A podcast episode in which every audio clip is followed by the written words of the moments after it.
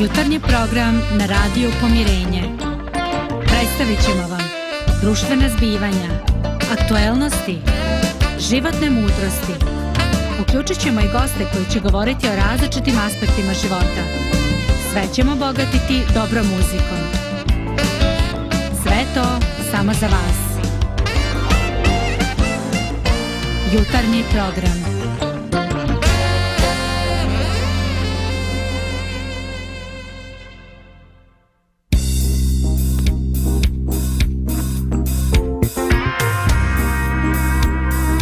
Radio Pomirenje.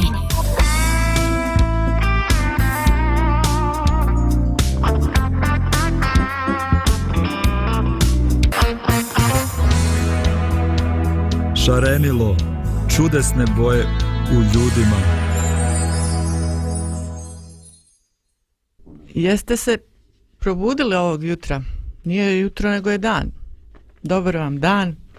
Nadamo se s nam, da ste s nama u programu. Nadamo se da imate motivaciju za ovaj dan. Nadamo se da možda i motivišete neke druge. Mi danas pričamo baš o tome, o motivaciji. Dragi kolege, kako je kod vas? Je li vas motiviše danas nešto u ovom danu? Lijep je dan. Pa dan je definitivno lijep za ovaj dio godine. To nije ništa čudno. Dakle, eh, očito je da će nam oba Božića proći bez snijega. No, štijećemo se nekim drugim stvarima, uštedit ćemo na ogrjevu. Ej, odlično. Ma ja sam danas baš motivisan. A nećete pogoditi razlog zašto. E sad smo nestrpljivi, nemoj dugo da nas tako. pa danas mi je godišnica braka. O, čoveče. Čestitamo. Hvala, hvala puno. Tako da, evo, i od sinoć i jutro s motivacija raste. Leptirić u stomaku, a i njemu rastu leptirić, tako da leta okolo. Svaka čast, hvala Bogu. Super. E sad, što mi pričamo baš o, u ovom doba godine o motivaciji, zato što je baš, no dobro, svaki dan je potrebna motivacija i to svakome od nas, za svaku situaciju. Ali nešto me podsjetilo baš ovo doba godine, jer je ovo baš taman za to, za tu temu, zato što je januar poznat po tome, ovaj, po onoj takozvanoj januarskoj depresiji, kad prođu svi ovi praznici i to koji se slave onako na, na globalnom, na svjetskom nivou, i kad prođu oni gigantski vatrometi, svjetla, kad kad ljudi popiju i pojedu sve ono što su kupili za neke tako možda malo veće pare kad nestane um, iluzija da poslije tog um, nazovi proslavljanja ne postoji više ništa kad se smiri uzburkana krv i kad skliznemo u realnost vidimo um, da se zapravo ništa nije promijenilo na bolje I onda nekako krene ta neka januarska depresija u ljudima, pogotovo oni što, sa manjim primanjima, svejedno. Ali nekako ljude, bez obzira i što, što je vrijeme lijepo, krene nešto to u njima. E, tada nam je potrebna motivacija. A inače, treba nam svaki dan motivacija, makar da ustanemo iz kreveta. Ovo dobro zvuči, da, ako se ustane iz kreveta, onda se može još nešto očekivati. Problem je ako se ostane u krevetu, očito. pa nekima čak i to nije problem, onda imaju motivaciju da, tako, pa, da razmišljaju, da kreiraju nešto drugo. A inače, ovo motivacija zvuči nam kao strana riječ, i jest strana riječ, zato što potiče od, od latinskog jezika. I to riječi motivus, što znači pokretanje i movere, što znači isto pokretati. Znači, motivacija je nešto što nas pokreće da djelujemo. Šta vama inače pada na pamet kad se pomene motivacija? Šta vam je prvo? Hm. Da, mislim, kad razmišljate. Da, da, da li nešto lično ili uopšteno? Da, ja skoro sam čitao nešto o tome šta motiviše ljude na poslu da rade vrijedno, da daju maksimum Evo šta vi mislite, šta ljude najviše motiviše na poslu da daju maksimum i da rade vrijedno? Pa ja mislim da su ohrabrenja neka. Možda od, od šefova i kolega inače. Ta, znam, od prilike to. Pa jeste, baš, baš to. Znači, mene to baš iznenadilo. Ono što ljude motiviše da rade, da daju svoj maksimum, nije bolja plata, nisu to neke nagrade koje možda dobije, nije to bolji posao, već jednostavno da ga neko prepozna, da neko pohvali taj njegov rad. To je ono što motiviše ljude. To, eto, to mi je bilo baš iznenađujuće i pomoglo je men da shvatim na koji način ja mogu da motivišem ljude oko sebe. Da, to je iznenađujuće. Jer čovjek će stvarno pomisliti da je glavna motivacija isplata ličnog dohodka na kraju i ovaj to svakako mora da bude sadržano u paketu. Ali ovaj ja stvarno vjerujem ovo, ovo što je sada rečeno da lični dohodak nije dovoljan, on je samo nužno zno i patnja ukoliko mi svaki dan sjedimo određeni broj sati na nekom mjestu ako e, nismo e, prihvaćeni, ako nismo prepoznati. Dakle, definitivno, definitivno je to to što kažeš, Božidare. Znači, kad imamo osjećaj da smo u nekom zatvoru, da li mentalnom ili stvarnom, onda treba nam nešto što što će nam dati krila da letimo, što će nam baš što će nas pokrenuti. Jesi htio nešto reći? Pa mislim pričat ćemo o ovoj temi puno, evo Zdravko je rekao, ja, nužna je i, i finansijska motivacija, ali ja mislim da kad imaš neki unutrašnji poziv, unutrašnju motivaciju, zato što osjećaš da ti je to neka svrha života koju radiš, onda ti uopšte nije bitno ništa, znači nije ti bitno ni novac, nije ti bitno ni uh, ko će te prepoznati, ko će te pohvaliti, to je jednostavno nešto što ti trebaš da uradiš u svom životu, osjećaš to iznutra i bez obzira da li je to bogato plaćen posao ili nije ošte plaćen, da li to volonterski posao, ali radit ćeš ga zato što imaš tu unutrašnju motivaciju. Da, da, da, super. Nastavit ćemo sa ovom istom temom, ali nakon jedne muzičke pauzice koji će nam pustiti naš tonac.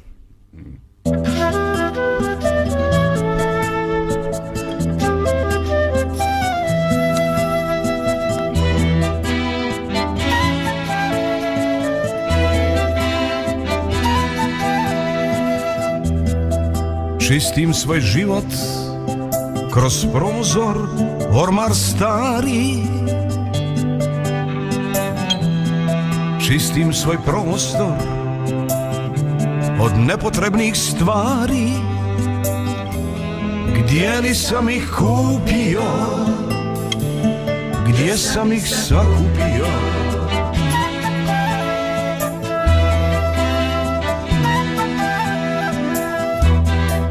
Čistim svoj život petkom odvoze smeće. Kada se nada budi i kad je blago veče Gdje li sam ih kupio, gdje sam ih sakupio? Čistim svoj život od onih šupljih ljudi. Kojima vjetar huji kroz glave i kroz grudi? Gdje li sam ih kupio, gdje sam ih sakupio? Čistim svoj život da spasim dok je vrijeme. Malu jutarnju nježnost i gorko noćno sjeme. Gdje li sam ih kupio, gdje sam ih sakupio?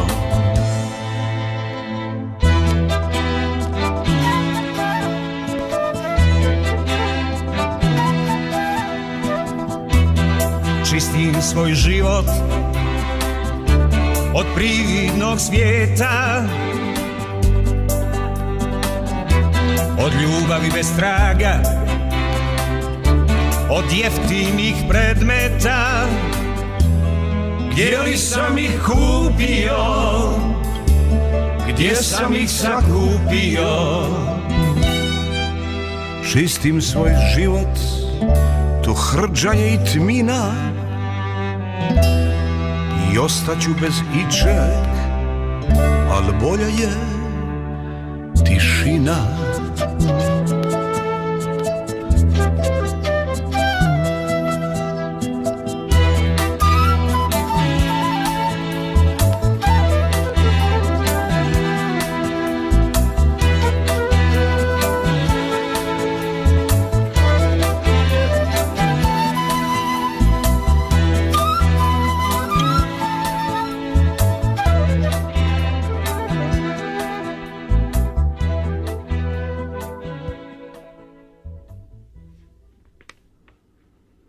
Čula sam od jedne osobe uh, da uh, smatra kao uh, eh, um, kad smo bez motivacije da, da ljudi zapravo da je on um, to primijetio u ljudima uh, obično tražimo uh, hitno rješenje za to. Znači nema motivaciju i hoćemo kao u bajci onako kad se pucne prstima da se sve riješi u našem životu ili bar dio našeg života da to sve ide nekako onako magično da kažem. Ali to baš i ne ide tako. Ovaj pričali smo i do sad motivacija je potrebna stvarno za mnoge stvari u životu. Ali šta, šta je potrebno za motivaciju? Kako motivisati motivaciju? Kako je pokrenuti? Evo Bože već načeo to što smo htjeli sad da, da pričamo o tome što sam ja htjela da vas pitam znači od čega sve zavisi ta motivacija? Da li u nama od nečega da li od nekih okolnosti? Da li je to nešto pozitivno ili negativno od čega motivacija zavisi? Evo vi recite svoje ideje. Pa očito je da, da riječ motivacija e, potiče ili, ili traži svoj izvor u riječi motiv. I tu se stvari komplikuju jer uh, ti imaš motivaciju, ali ti motiv može biti pogrešan. Dakle, ako imaš uh, loš motiv, ako ti neko ide na, na živce, ti možeš biti motivisan da nešto u, u, kreneš u neku akciju, da ga pobjediš, da dominiraš, da budeš bolji. Ali ta motivacija ne spada u kategoriju pozitivne manipulacije. Mm -hmm. Dakle, ovaj, uh, a osnovno pitanje uh, pitanje motivacije e, je smjer u kojem ti ideš. Dakle, ti možeš imati motivaciju u smislu spremnosti i energiju. Ali kud te to vodi? Brzina nije, nije pozitivna stvar sama po sebi, ako ti e, ideš prema provali.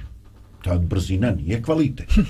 Dakle, e, da bi motivacija imala puni smisao, da bi motivacija stvarno bila nešto što nam donosi dobro, mora biti jasan taj smjer. Dakle, mora biti e, jasna situacija, e, to što želimo, zašto želimo. Mm, super, super. Hm.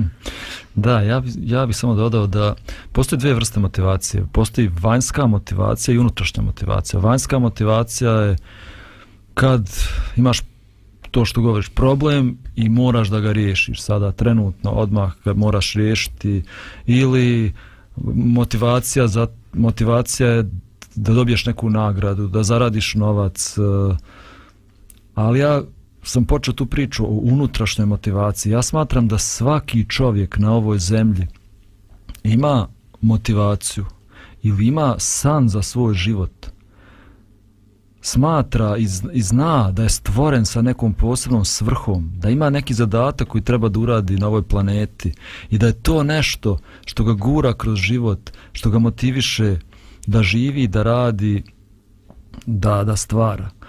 E sad, problem je u tome što a, svako dolazi na svijet sa tom motivacijom, ali problem je što mnogi ljudi ne ostvare taj svoj potencijal sad iz različitih razloga, možemo o tome da pričamo. Jedan je strah od neuspjeha, vjeruješ da imaš zadatak na ovom svijetu, ali se plašiš neuspjeha ili kreneš da ostvaruješ taj svoj san u životu, najdeš na prepreke i te prepreke ti se čine nepremostive i onda vratiš se nazad i kažeš pa živjeć ko svi ostali ljudi što žive i moji roditelji i moja, i moja braća i sestre, nisam ja ništa bolji od njih i živiš neki život rutine, a ne slijediš svoje snove. Eto, mislim da je to najsnažnija motivacija koja dolazi iznutra, koja dolazi iz uh, shvatanja smisla života i svrhe života. Mm, super, super. Vi ste baš ono pravi filozofi čovječe. Je. I to govorite onako fino, narodskim Do. jezikom. Ma čisto se pitaš u kakvo se to dobro društvo upalo, otkud ja ovdje. Odlično čovječe. Pa, super. Pa valjda i ja pripadam u ovo društvo, ne znam. Naravno, naravno, ali moram reći jučer da je Božidar ovaj, eh, da je Božidar uh, bio onako za klasu iznad dok sam ovaj, ja glumio novinara, čini mi se zajedno sa tobom Dragana, uh, on je nekako baš imao neke dobre sugestije. Ovaj, rekao bi za jednu klasu bolje nego inače. Ma ja i ne želim da ovo zvuči, isčitite naša priča, da to bude neka filozofija i, i neška priča, ne znam, sad smo naučili smo nešto pa sad tu dijelimo sa ljudima, nego da to bude neko životno iskustvo. E, ja mogu da, ja mogu da vam pričam, eto, kako smo pokrenuli projekat Let's Do It. Znači, nismo imali nikakvih sredstava, nije to bio projekat pa smo dobili milion dolara da uradimo projekat, nego je to bio san svih nas koji smo tada bili u Sarajevu, prvo nas šest, pa onda kasnije nas 120 koji smo maštali o ljepšoj Bosni i Hercegovini, o čistijoj Bosni i Hercegovini, o čistim rijekama, o čistim planinama. I to je nas, to je nas toliko motivisalo da smo mi davali svoj novac da smo mi putovali po cijeloj Bosni i Hercegovini, da promovišemo projekat, da stvaramo lokalne timove. Ogromna energija, ogroman napor uložen, a nikakve tu nagrade nije bilo neke finansijske, materijalne nagrade, nego unutrašnje zadovoljstvo. I taj dan kad je svanuo, prvi dan kad smo imali prvu akciju čišćenja 2012. godine, sjedimo u kancelariji gradonačelnika Sarajeva, nas 12, kontaktiramo lokalne timove, ne znamo šta će se dogoditi tog dana a onda nam dolaze vijesti, ne znam, hiljadu ljudi izašlo u ovom gradu, hiljadu ljudi u ovom gradu, 500 ljudi u ovom gradu, 37.000 ljudi u jednom danu izašli da čiste, a mi smo se osjećali kao najbogati ljudi na svijetu, mi smo se osjećali ispunjeno, uradili smo posao, ostvarili smo svoj san, nikakve pare nam nisu trebale. da, i onda kažeš kolegi do sebe, de molim tu štini me, jer ja ovo sanjam što slušam i o čemu se ovdje radi. I ovo stvarno, jesam ja to dobro čuo, a? Da, rijetko se dešavaju ti trenuci triumfa u životu, ali ovaj, e, zaista, e, predobro je to sve. Znači, ipak oni viši ciljevi su nešto što nas motiviše, nešto što je izvan, izvan nas i veće od nas. Ovo što, što, ne kažem veći ciljevi u smislu uh, E, nekog većeg materijalnog uh, dobitka ili nešto, nego baš nešto što, što je veće od čovjeka, što je nastalo, da kažem, pod navodnim znacima, prije čovjeka ne, nešto, te ideje koje, koje ulaze u čovječiji um, koji hrane čovječiji um. Znači, zavisi čime hraniš um, takve će ti biti i motivacije. Jeste. Zašto je ta motivacija važna? Zato što kad imaš takvu motivaciju, onda ti onda si spreman da se žrtvuješ, onda si spreman da podrediš sve ostalo tome. Uh, jednostavno, nije su bitne okolnosti kojima se nalaziš, nisu bitni problemi. Jednostavno, ja idem i guram to zato što me nešto nagoni iznutra, zato što je to moj, moj životni poziv koji, koji trebam da obavim. Mm, super, super. Sad ćemo opet malo da idemo u muzičke vode, a onda nastavljamo dalje sa motivacijom.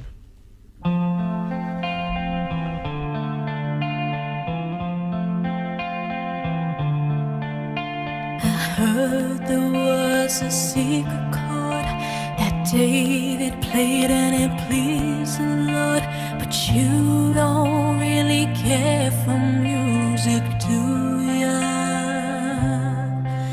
It goes like this. The fourth, the fifth, the minor fall, and the major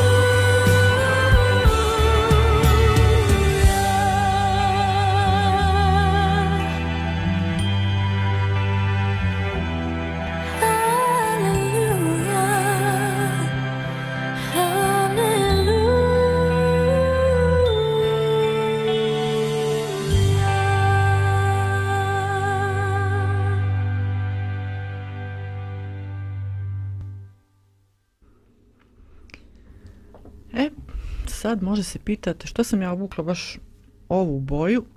Možda nije za moje godine kako se vama čini, jel?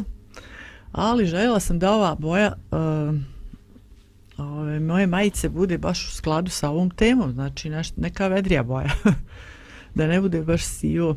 Ali kad je motivacija u pitanju, uh, ima nečeg sivog u tome i što je Zdravko već govorio, ima nekih loših motivacija koje pokreću ljude, a isto tako ima, uh, imaju ljudi dobre nekad namjere, ali ih ostvare da li svjesno, da kažem namjerno, na neki loš način ili čak to i ne primjećuju.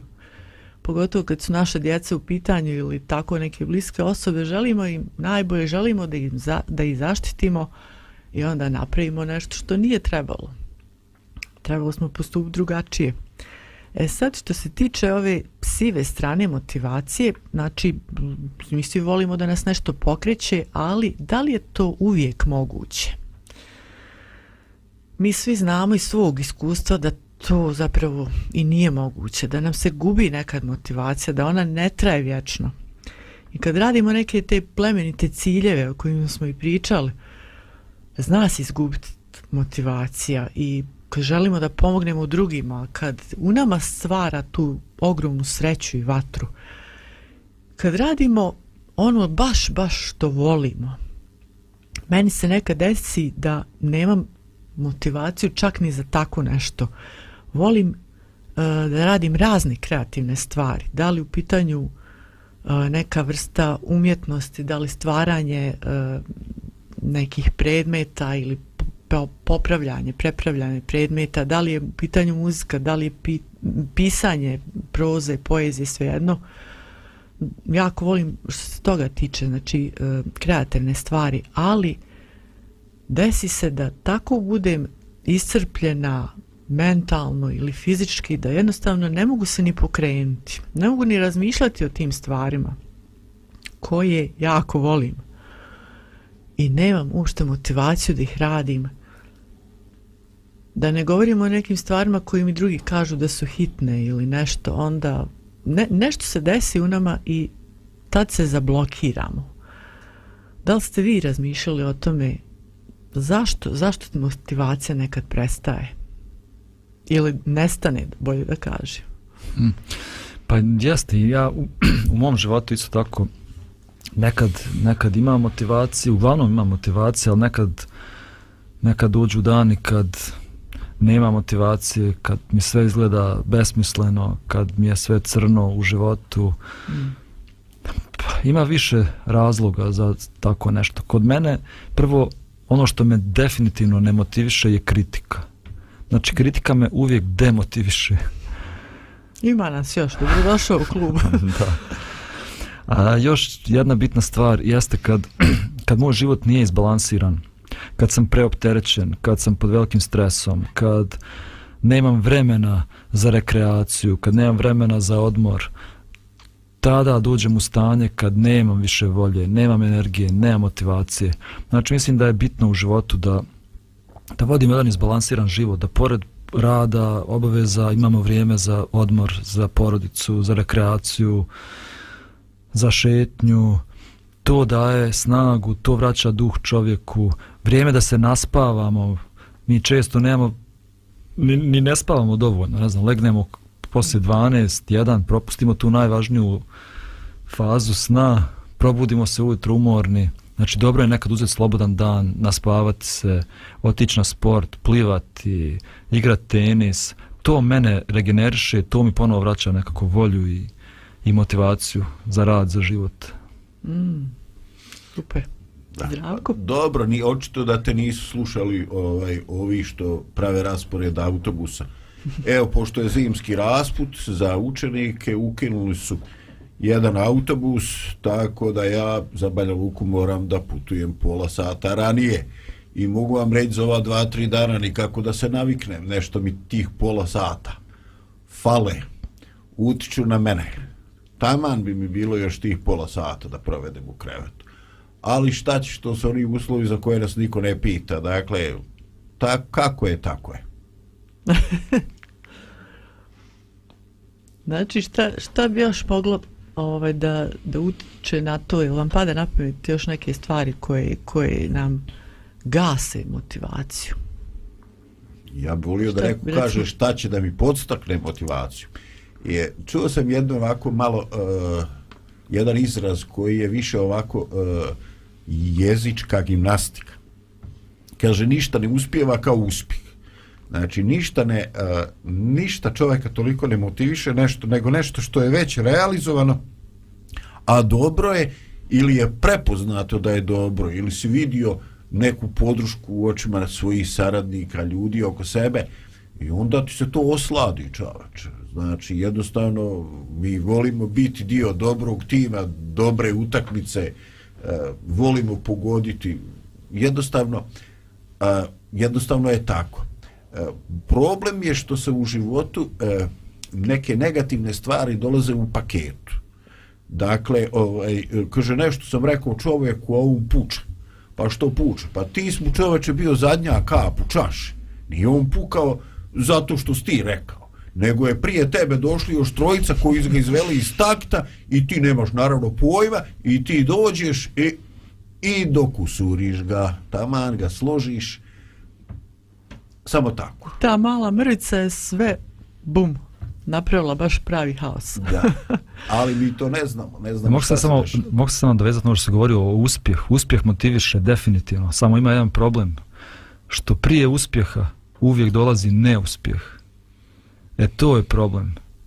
Što mi prvo kad krenemo da radimo bilo šta, prvo doživljamo neuspjeh i to je normalno da prvo doživiš neuspjeh. Moraš puno puta da doživiš neuspjeh da bi doživio uspjeh.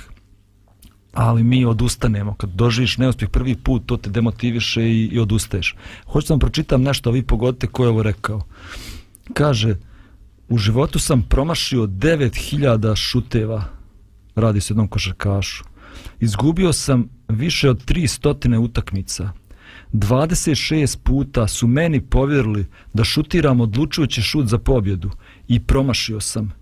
Doživljavao sam neuspjeh iznova, iznova i iznova u mom životu. Ja sam tu izjavu čula, ali ne znam ko je. Možda muški znaju. Zdravko, si sjećaš ko je ovo rekao?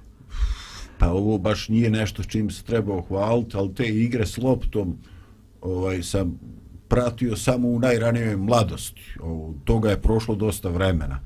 Tako da, teško da ću ja to da, da. pogodim. Ovo je rekao najbolji košarkaš svih vremena, Michael Jordan. 9000 puta je promašio koš. 300 puta izgubio utakmicu, 26 puta je promašio odlučujući koš za pobjedu. A on kaže, ali baš zbog toga sam uspio u životu. Znači, nema uspjeha bez neuspjeha. Mi gledamo, ne znam, djeca ponekad gledaju Novaka Đokovića kako igra tenis i onda dijete pomisli sad ću ja da igram kao Novak i ode u prodavnicu i kupi Novakov reket i kupi dres Novakovi patike Novakove i ode na teren i, i šta mislite, igra kao Novak? Svako, apsolutno.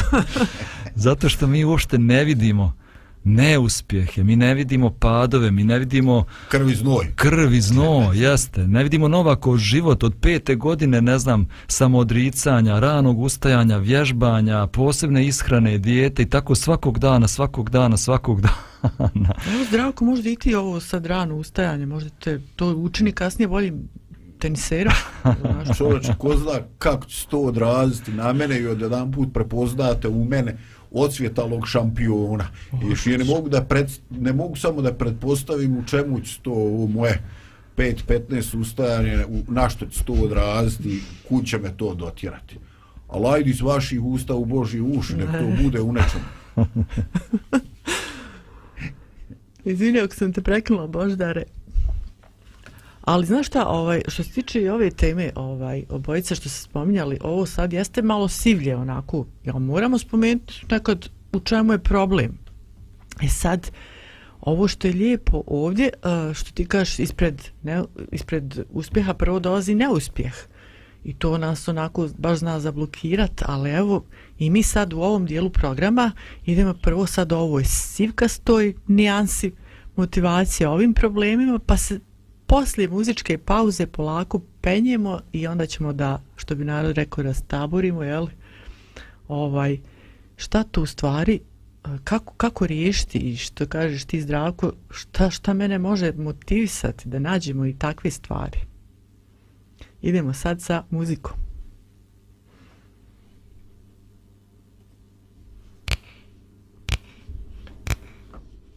Radio. Radija pomirenje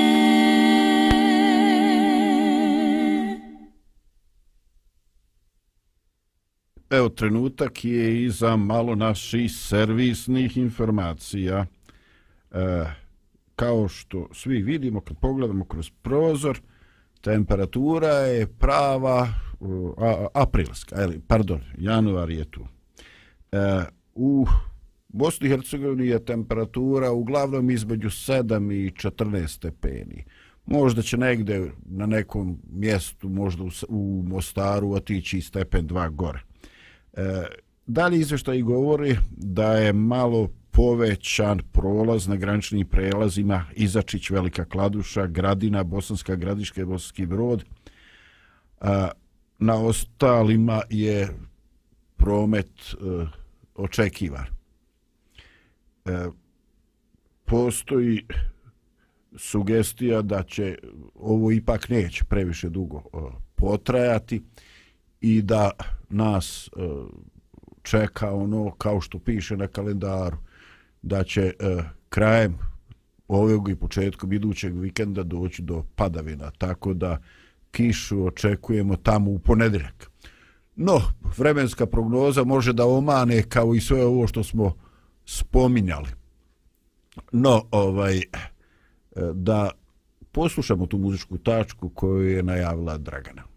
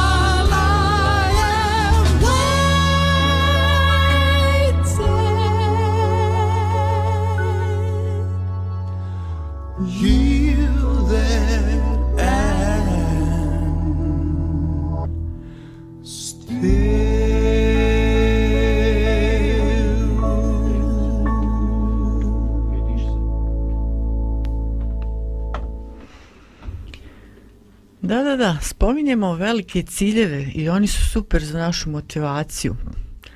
E sad polako se dižemo iz onog sivila, idemo u ono plavi, plavi dio ili rozi ili kako god hoćete, idemo sad polako u boje da vidimo uh, prvo da li, uh, da li ovi viši ciljevi, veliki ciljevi da kažem, koji postavljamo sebi, da li nas nekad mogu um, vratiti ponovo na dno i zbog čega ili ili oni služe kao nečem eto da nam daju to gorivo, da nam daju tu iskru, da nam daju motivaciju koja ide dalje. Nešto si Božo ti spominjao uh, da, da onaj svoj stres i kako te to ovaj onda gubiš motivaciju i to To je nešto povezano sa ovom temom, ali ne bih da ja dajem odgovore, nego čisto da čujem vaše mišljenja.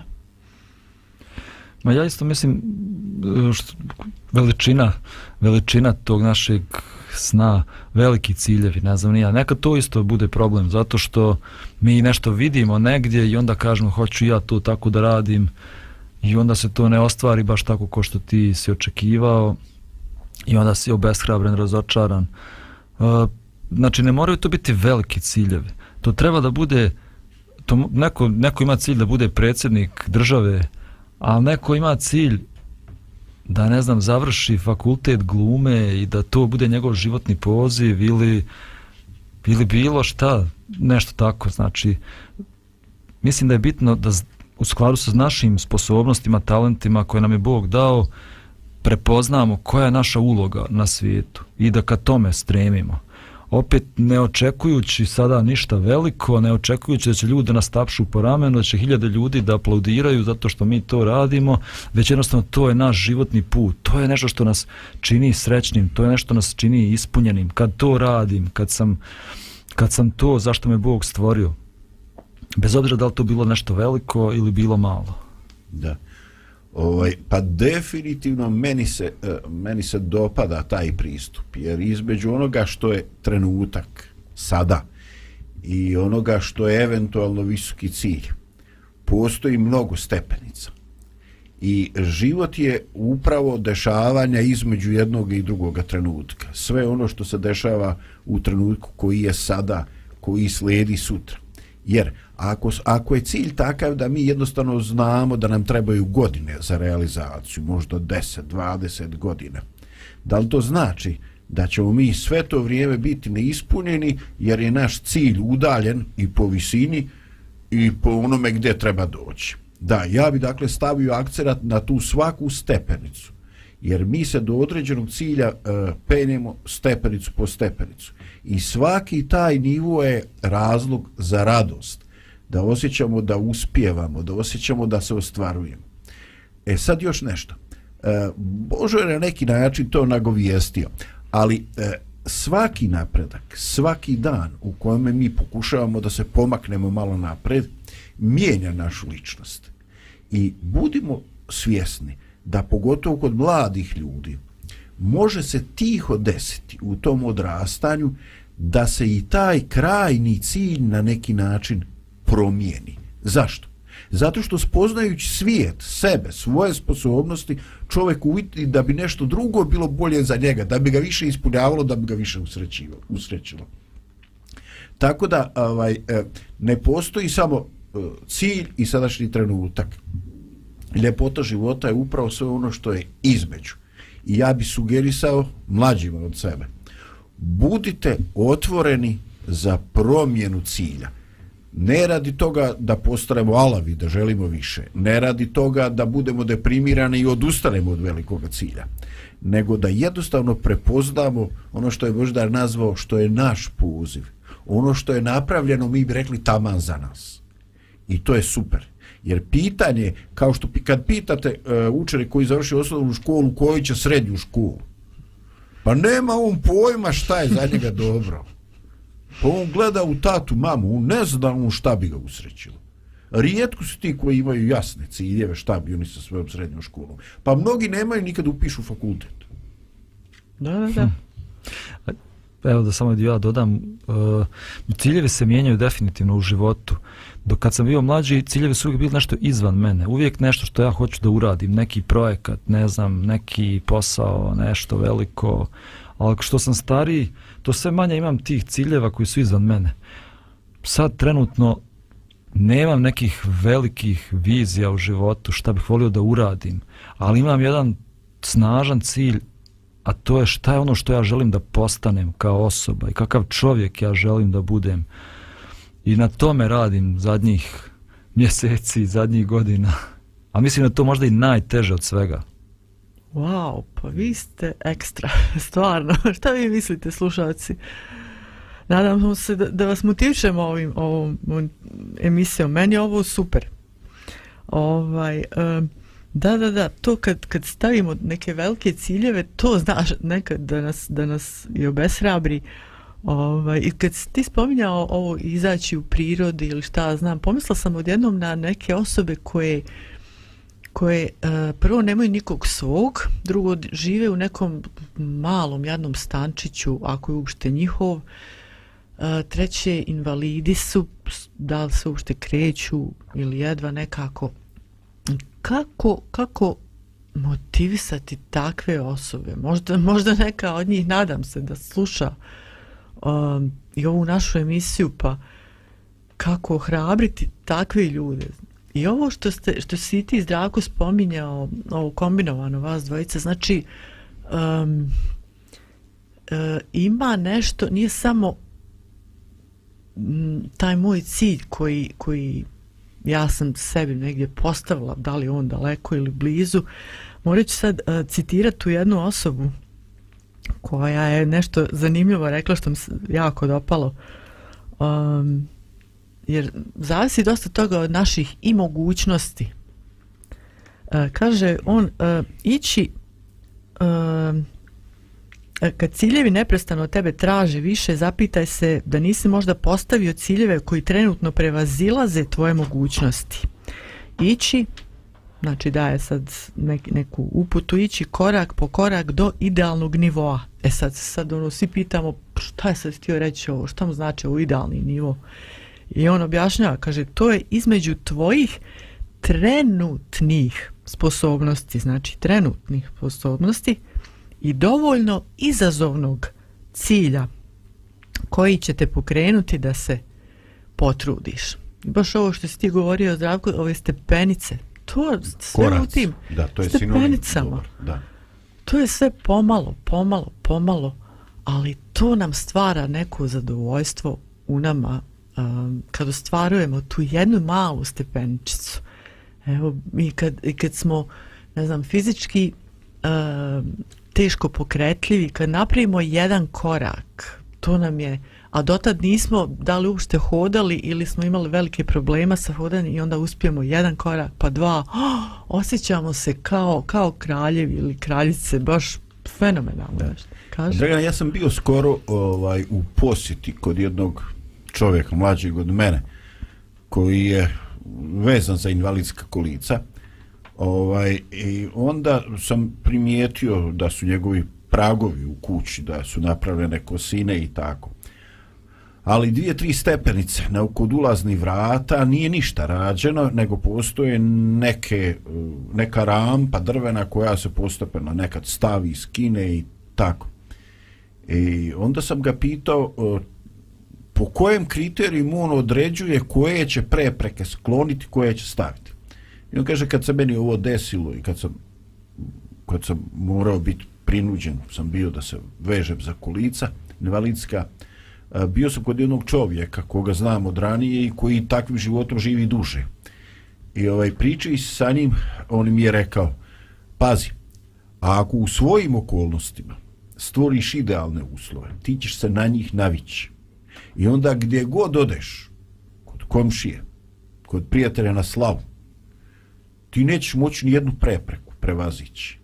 Dakle, ostavi neke prepreke koje su ti problem, koje su ti izazov, da bi sačuvao neki oblik forme i kondicije. Mm. Dakle, njegov kriterij forme i kondicije je drugačiji kao kod zdravog, nego kod zdravoga čovjeka.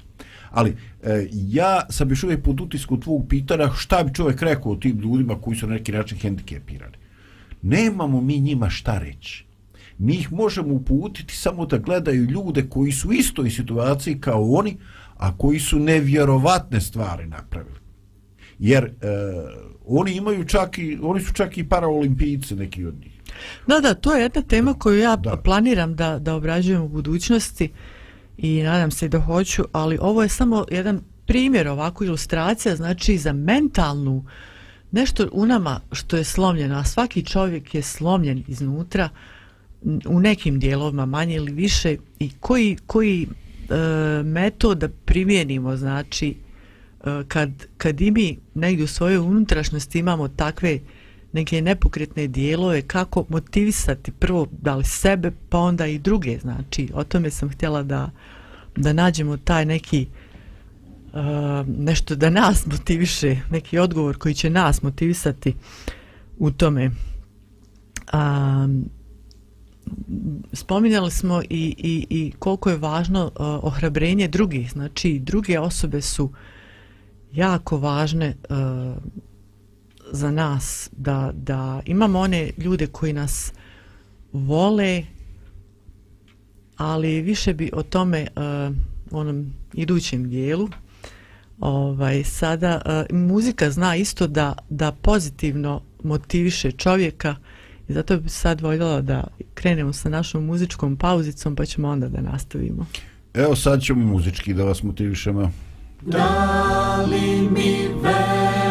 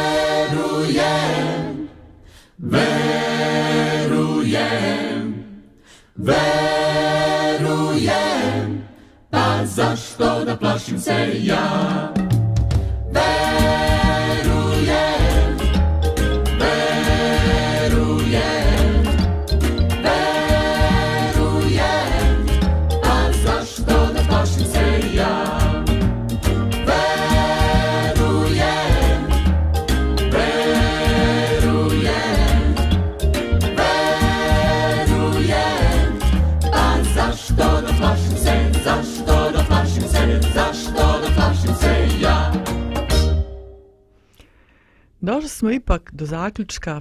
Da li u ovom muzičkom dijelu dok smo razmišljali, nadam se da jesmo, o, ili dok ste slušali ovo, ovo dok smo razgovarali ili ste, nadam se, još više stekli u svom životu o, taj zaključak da je ipak ljubav ono što najviše motiviše, što nas može stvarno pokrenuti na nešto, ne samo neka dobra dijela koja primamo od drugih koja nam se možda čine daleka, nego baš što je ta ljubav bliža nama, što je toplije uh, doživljavamo, to nas sve više i više motiviše. U nama se rađa ta vatra. Mi postajemo topliji, više nismo onaj kamen u sebi koji, koji možda imamo.